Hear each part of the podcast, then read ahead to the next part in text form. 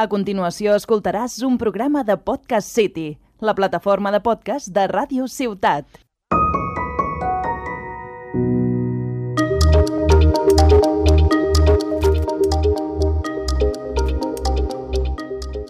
Hola, benvinguts i benvingudes al racó dels Global Goals, el podcast de Jove Cambra Internacional de Reus. Els Global Goals són 17 objectius impulsats des de Nacions Unides que pretenen al 2030 assolir objectius com afavorir un planeta més sostenible, acabant la fam o viure en un món on tothom visqui en pau. I nosaltres qui som? Som Jove Cambra, una entitat sense ànim de lucre present arreu del món, formada per joves de 18 a 40 anys on aprenem a través de projectes i creem canvis positius al nostre entorn.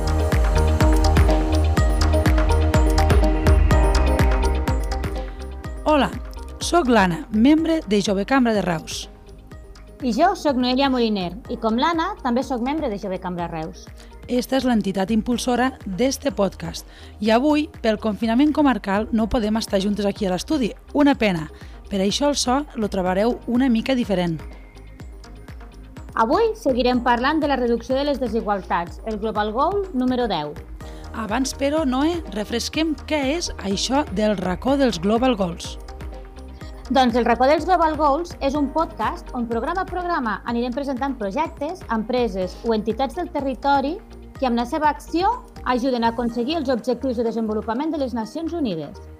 A cada, a cada episodi eh, tractarem un dels 17 Global Goals. Ens fa molta il·lusió presentar aquests projectes que us anirem donant a conèixer i esperem que ho gaudiu, tant com naltres presentant-ho. I com no, al final, si us animeu, que passeu a l'acció. I tant que sí. A cada episodi tractarem un dels Global Goals en una entrevista i uns tips finals per animar-vos a saber com podeu aportar el vostre granet d'arena. Volem donar les gràcies a Ràdio Ciutat per la seva col·laboració i us recordem que mos podeu escoltar a rctgn.cat i jci.cat o escoltants i subscriure-us a través de Spotify o iTunes.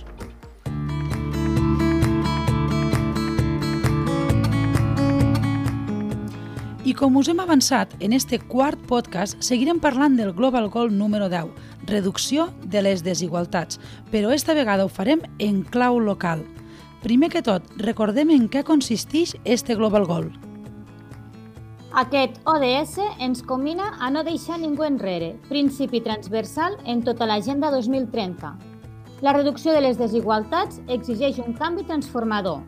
Cal redoblar els esforços en erradicar la pobresa extrema i la fam, i invertir més en salut, educació, protecció social i ocupació decent, especialment a favor de la gent jove, les persones migrants i altres col·lectius vulnerables.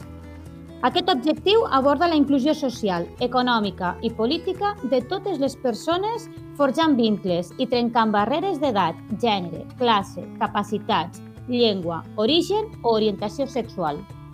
I avui, per parlar de tot això, mos acompanya la Dilara Egmen, membre de la Comissió Catalana d'Ajuda als Refugiats. Bona tarda, Dilara. Bona tarda. Dilara és membre de la Comissió Catalana d'Ajuda als Refugiats, que té com a finalitat treballar en pro dels drets de les persones refugiades i migrades a casa nostra. Dilara, explica'ns una mica què feu des d'esta comissió. Primer de tot, moltes gràcies per cedir-nos aquest espai on podem explicar què fem des de la nostra entitat.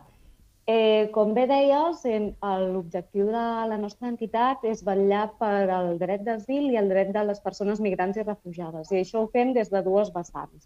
Per una banda, és a l'atenció a les persones i l'altra des de la incidència política. Eh, pel que fa a l'atenció de les persones, eh, nosaltres treballem en, en dos àmbits. Un és el jurídic, és a dir, fem un acompanyament jurídic i assessorament a totes les persones migrades i refugiades i per altra és a través dels diferents programes eh, on acompanyem eh, des d'una perspectiva holística, és a dir, des de eh, treballadors socials que acompanyen a les persones migrades, eh, psicòlegs, integradors, quan arriben a Catalunya. I dir ara, com, com us organitzeu? Mm, A veure, ja com et comentava, hi ha diferents, diferents equips. No? Llavors, quan les, les persones arriben al programa estatal, aquestes han d'estar durant un període de temps determinat en centres d'acollida. Eh, del que es tracta aquest període és que en aquest temps eh, les persones que han arribat de diferents països eh, facin uns itineraris personalitzats en els quals durant el, el mínim termini puguin assolir totes les competències per ser persones autònomes. I reitero que això es fa des d'una perspectiva i un acompanyament individualitzat perquè la realitat de les persones migrades i refugiades amb qui treballem és molt diversa.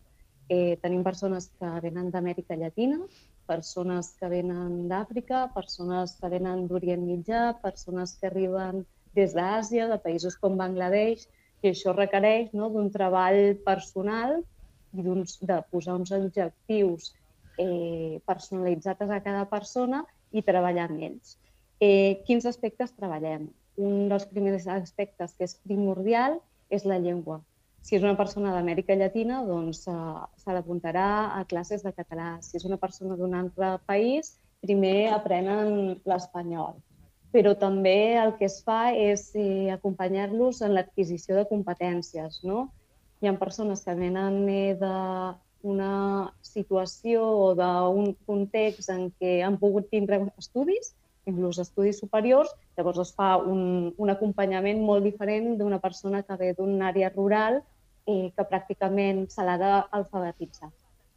A tot això eh, depenent, moltes d'aquestes persones han, han fet un procés migratori molt llarg, no? on han hagut de patir, on han patit una sèrie de conseqüències i sempre hi ha un acompanyament psicològic, no? per tal de que, fer que aquesta arribada eh, estigui acompanyada des de diferents vessants. Dilara, ens venen tantíssimes preguntes, o sigui, tants, tantíssims dubtes no, de coses que passen a casa nostra i, i al final no ens donem compte eh, no sabem què passa perquè al final tots portem el nostre dia a dia no? I, i, com, i associacions, comissions com la vostra ajuden a aquesta gent que arriba. De quanta gent podem estar parlant? Quanta gent arriba a, a, a les nostres terres, a Catalunya? A quanta gent podeu estar atenent? Eh, bueno, som diverses entitats qui, qui portem els diferents programes, ja sigui el programa estatal, que en aquest cas no és Comissió Catalana, sinó és la nostra entitat col·laboradora germana al territori, que es diu CEAT, i nosaltres en concret també portem programes que anomenem complementaris, que són d'àmbit municipalista per a aquells que queden fora del, del programa estatal. L'any passat, el 2020, a Catalunya van arribar unes 13.500 persones, Uf. però això fluctua de, eh, depenent de l'any. Persones que són sol·licitants d'asil, en aquest cas. Nosaltres treballem amb sol·licitants d'asil i en els programes complementaris sí que treballem també amb persones que són denegades.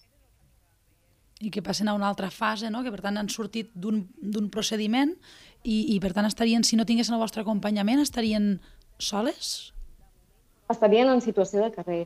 Què passa? Quan una persona, eh, pel motiu que sigui, se la denega, i en això vol, vull ficar eh, especial èmfasis o incidència perquè moltes vegades pensem que Espanya és un país d'acollida i Espanya només reconeix el 5% de les sol·licituds d'asil, quan la mitja europea està en el 30%. Això vol dir que no som un país d'acollida. Deneguem sistemàticament a, totes, a, a la majoria de persones.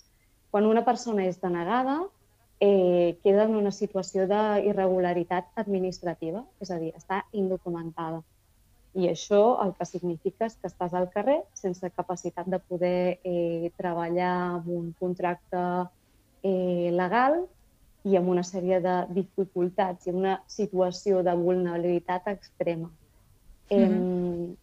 Això la gent ho, ho, ho desconeix. I també el que desconeix, que m'agradaria mencionar, és que moltes vegades els sol·licitants d'asil, i, i parlo en el cas quan nosaltres tenim un centre nosaltres tenim un centre d'acollida a Reus i parlo des de lo local, però extrapolant-ho al que passa a tot l'estat espanyol. Eh, moltes de les persones, els sol·licitants d'asil, una vegada han passat sis mesos, tenen permís de treball. Eh, I molts d'ells comencen a, a treballar, a la majoria amb feines eh, que aquí no estem disposades a fer. És a dir, en el sector eh, agrícola, en granges, eh, feines de, de cures... Bé, doncs una vegada ells estan treballant eh, i els hi arriba una denegació, si estan treballant legalment, estan cotitzant, els arriba una denegació, i ja us he explicat que només accepten el 5%, és a dir, que deneguen un 95% de les persones, se li retira el permís de treball. Què significa això? Que una persona que ha fet el seu procés, eh, que ha seguit eh, els itineraris, que ha après l'idioma, que ha aconseguit una feina, que està cotitzant, que està content, que és autònom, eh, perquè ja no necessita de cap recolzament. Eh, bueno, se l'expulsa a la clandestinitat, se l'expulsa una regularitat que el que farà és que eh, doncs, hagi de sobreviure d'altres maneres. I eh, per què deneguen aquests? Sabeu vosaltres el motiu pel qual deneguen aquestes peticions d'asil? Quin, quins solen ser els motius principals pels quals no els accepten? Doncs que, bueno, hi ha moltes, moltes causes eh, pels quals eh, deneguen a les persones, però una de les més eh, habituals és que les persones no són capaces de, de portar les proves suficients com per demostrar que el seu cas és eh, verídic. Però, clar, estem parlant de que l'estat espanyol és molt, molt, molt purista eh, en aquest sentit i que demana una minucitat en les proves eh, que a vegades és molt difícil. Eh, si tu has sortit, fico un, un exemple, has sortit del Iemen, perquè t'han bombardejat la casa, perquè eh, un grup determinat t'està perseguint. És molt, és molt difícil que puguis aportar una documentació conforme. Evidentment. Doncs coses així. Altres causes. Eh, fins fa poc, eh, i ara també en molt poca mesura, l'estat espanyol no considerava que el problema de les mares a Centroamèrica fos eh, un motiu pel qual sol·licitar asil. Creia que era un, un, una persecució, una violació dels drets humans que es podria resoldre a nivell intern. Per tant, eh, no contemplava les persones del Triangle Nord de Centroamèrica, Salvador, Honduras, Guatemala, com possibles sol·licitants d'asil. Déu-n'hi-do. Si en saps una, només conèixer una mica el panorama de com funciona, sí, de com el sistema de la corrupció, de sí, l'entramat polític, ja veus que, que no s'aguanta per És evident, és evident. És a dir, busca absolutament totes les excuses degudes i per haver, per haver de, per denegar les persones. Bueno, déu nhi uh, Una cosa, has dit que aquí a Reus teníeu un espai de treball on hi havia persones Parla'ns sí, una mica Reus... d'aquest espai, quanta gent hi ha, una miqueta quin perfil de persones hi ha. bueno, el, és un, un espai que té una capacitat de 50 persones. Eh, I el perfil és molt variat perquè això va en funció de, de les places que hi ha obertes i eh, els perfils canvia l'Estat. No, és un, no, no és des de les entitats que trien a les persones que arriben als, als centres o, o als pisos, sinó que l'Estat els envia. En una primera fase, per exemple, eren nois eh, procedents eh, majoritàriament de la zona del Sahel, joves, després va haver una altra segona fase en què van ser majoritàriament famílies de procedència llatinoamericana i també eh, d'Ucraïna, i ara estem en un període d'impàs en què bueno, es preveu que tornin a vindre doncs, joves, sobretot pel, pel tema que està passant a, a Canàries, no? doncs és més el perfil de, de persona que, que arribarà. Però, com et dic, és una cosa que oscil·la moltíssim, eh, depenent de, del temps. Dilara, des de quan col·labores en, en, en esta comissió? Bueno, jo treballo a la comissió. Bueno, eh, quan, des de quan hi treballes? Sí. Eh, de, bueno, jo vaig començar a treballar a CEAR, que treballava, en, en aquell moment eh, funcionàvem conjuntament, al 2018. Primer vaig treballar al centre d'acollida de Reus i després vaig passar a treballar en l'àmbit d'incidència política i social. Molt bé. Noé, no sé si volies fer alguna altra no, pregunta. Jo, bueno, sí, la veritat és que també tenia una miqueteta de curiositat per saber eh, tota aquesta tasca que feu, si rebeu algun tipus de col·laboració externa, si rebeu subvencions, si rebeu persones voluntàries bueno, que donin suport a la tasca o... Sí, eh, bé, nosaltres funcionem també amb, amb subvencions públiques, eh, però en aquest sentit també rebem suport, tenim un equip de voluntaris, tenim socis i d'aquí faig una crida a Camp de Tarragona, voluntaris que vulguin col·laborar amb nosaltres, persones que es vulguin fer sòcies, però funcionem amb finançament públic, ja sigui a nivell eh, de la Generalitat o municipal. En el cas de Comissió Catalana, com us explicava abans, nosaltres eh, tenim uns programes que són complementaris, que és que quan les persones són denegades o directament que no poden entrar al, al programa estatal, eh, tenim unes places eh, conjuntament amb els ajuntaments que gestionem i que fem aquest acompanyament en aquestes persones que tenen una especial vulnerabilitat és a dir, o que estan en una situació eh, d'especial vulnerabilitat, fins que poden iniciar l'arrelament. Són uns programes que, eh, doncs, a part de tot el suport a nivell jurídic, psicològic, també fem una tasca d'acompanyament eh, sociolaboral, no? de preparar les persones per aquesta inserció futura laboral per anar, per anar acabant, tot i que estaríem hores, però la veritat és que me té no corpresa, no? Que, que es diu al final tot el que està passant i que de vegades no, bueno, que normalment no veiem, no? Eh, aquí a, a Reus també, no?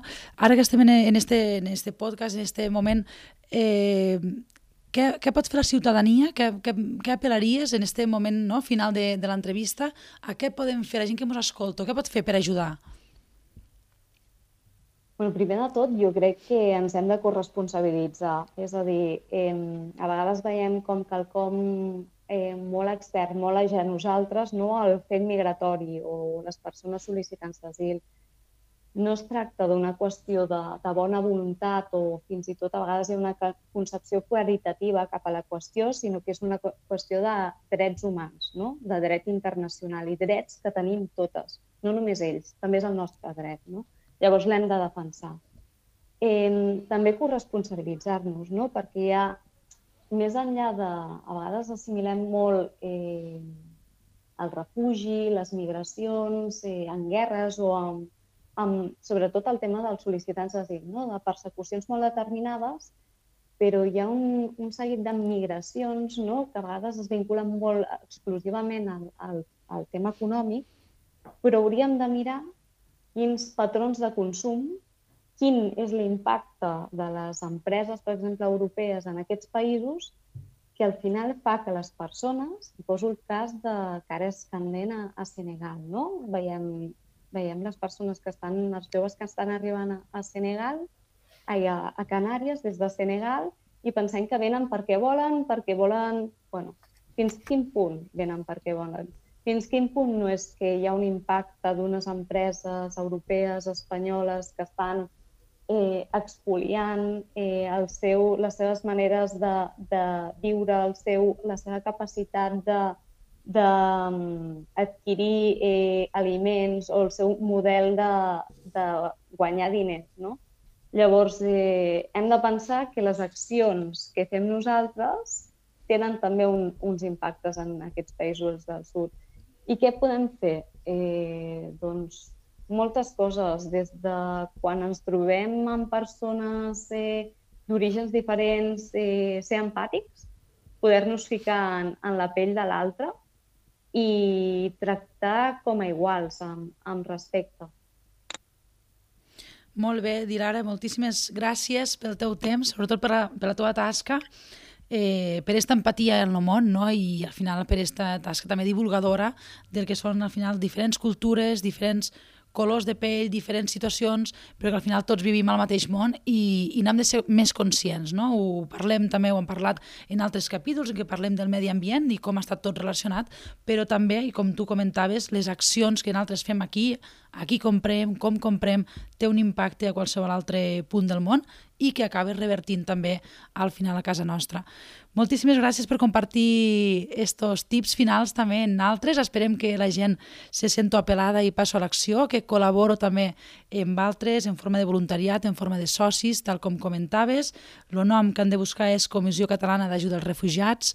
Eh, trobareu a la Dilara a la vostra disposició per acompanyar-vos i ajudar a aquestes persones nouvingudes. Gràcies, Dilara, perquè feu una magnífica tasca humanitària. Moltes gràcies. Moltíssimes gràcies a vosaltres per l'espai. I arribem a la part final d'este quart podcast i com a cada capítol passem a l'apartat d'idees i consells, tot i que la Dilara ja m'han donat uns quants, ne coneixerem alguns més de com els ens locals podem passar a l'acció.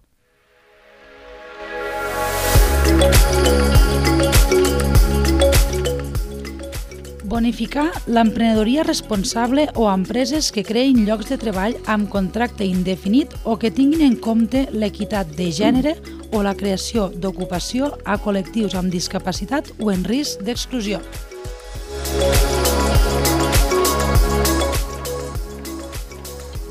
Implementar projectes de cooperació al desenvolupament i de drets humans per tal de promoure l'enfortiment institucional, la modernització de les polítiques públiques locals i de l'administració municipal, la participació ciutadana o la igualtat d'oportunitats entre homes i dones per a països en desenvolupament. Promoure la creació d'espais per a la participació ciutadana i la cocreació de polítiques públiques per a totes les persones, fent especial atenció als col·lectius subrepresentats.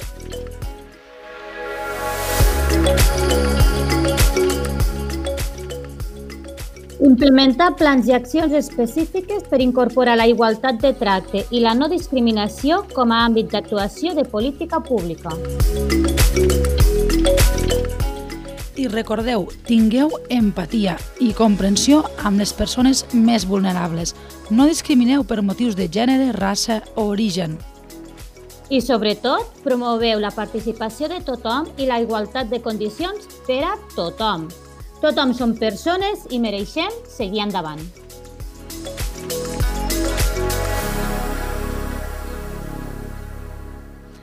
I hasta aquí este quart capítol del racó dels Global Goals. Esperem que us hagi agradat i que us hagi, sobretot, inspirat. El nostre nom és Anna Frisac i Noelia Moliner.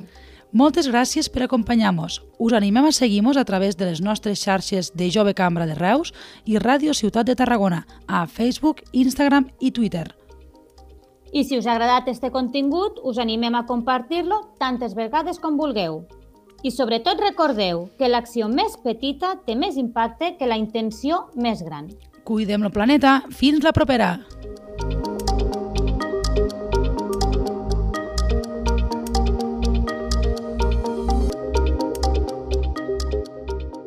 Has escoltat un programa de Podcast City, la plataforma de podcast de Ràdio Ciutat.